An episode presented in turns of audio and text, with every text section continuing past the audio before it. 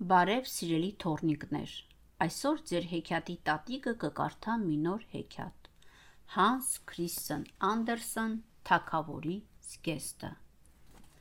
Այս թագավորության թագավորը հայտնի էր իր զգեստապաշտությամբ։ Նորաձության գիտակ էր, շքեղության ջատագով։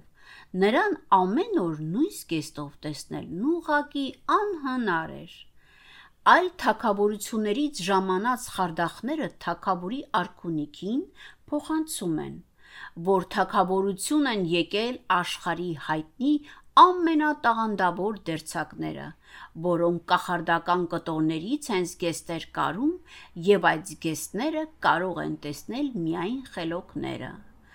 Թակավորին միանգամից հետաքրքրում է այդ նոր կտորի գոյությունը, եւ նա խարդախ դերցակներին հրավիրում է պալատ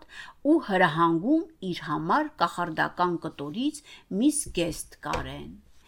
Դերցակները զգուշացնում են,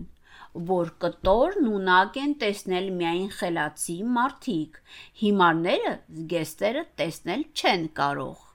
Խարդախների առաջարկով ողքեվորված, երբ խաղված թակավորը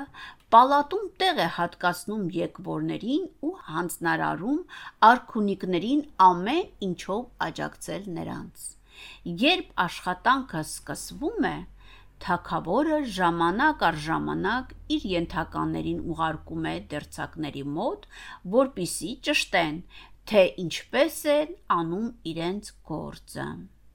Հպատակները մտնելով դրցակների սենյակ, կարի սեղանին ոչինչ չեն տեսնում,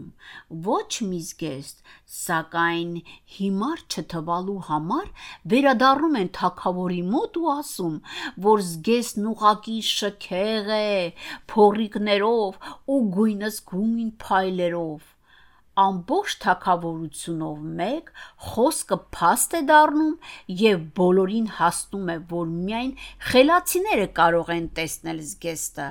որ շուտով պիտի հագնի թակավորը։ Երբ դերցակ խարդախները հայտարարում են, որ զգեստը պատրաստ է, գնում են թակավորի մոտ, որpիսի նրան հանձնեն անտեսանելի հագուստը։ Սակայն թակավորը դերցակների բերած զգեստը չի տեսնում եւ ամանչում է ամբողջ թակավորության աչքին հիմար Երևալ ու սկսում է գովել անտեսանելի զգեստը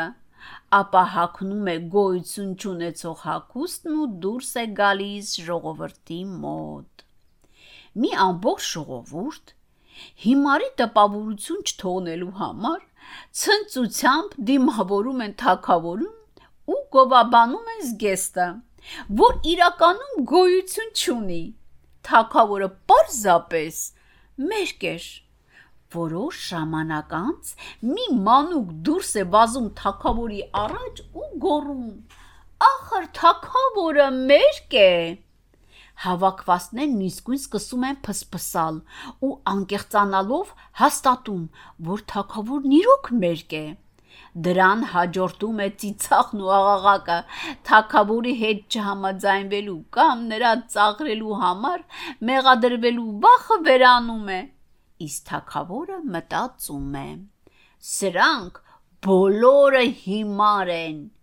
իսկ ես պիտի գնամ մինչև վերջ ու քիթը ցցած նա առաջ է անցնում հետևից քարշ տալով հպատակներին, որոնք բռնել էին գոյություն չունեցող զգեստի փեշերը։ Կարդաց Մարա Բաբոն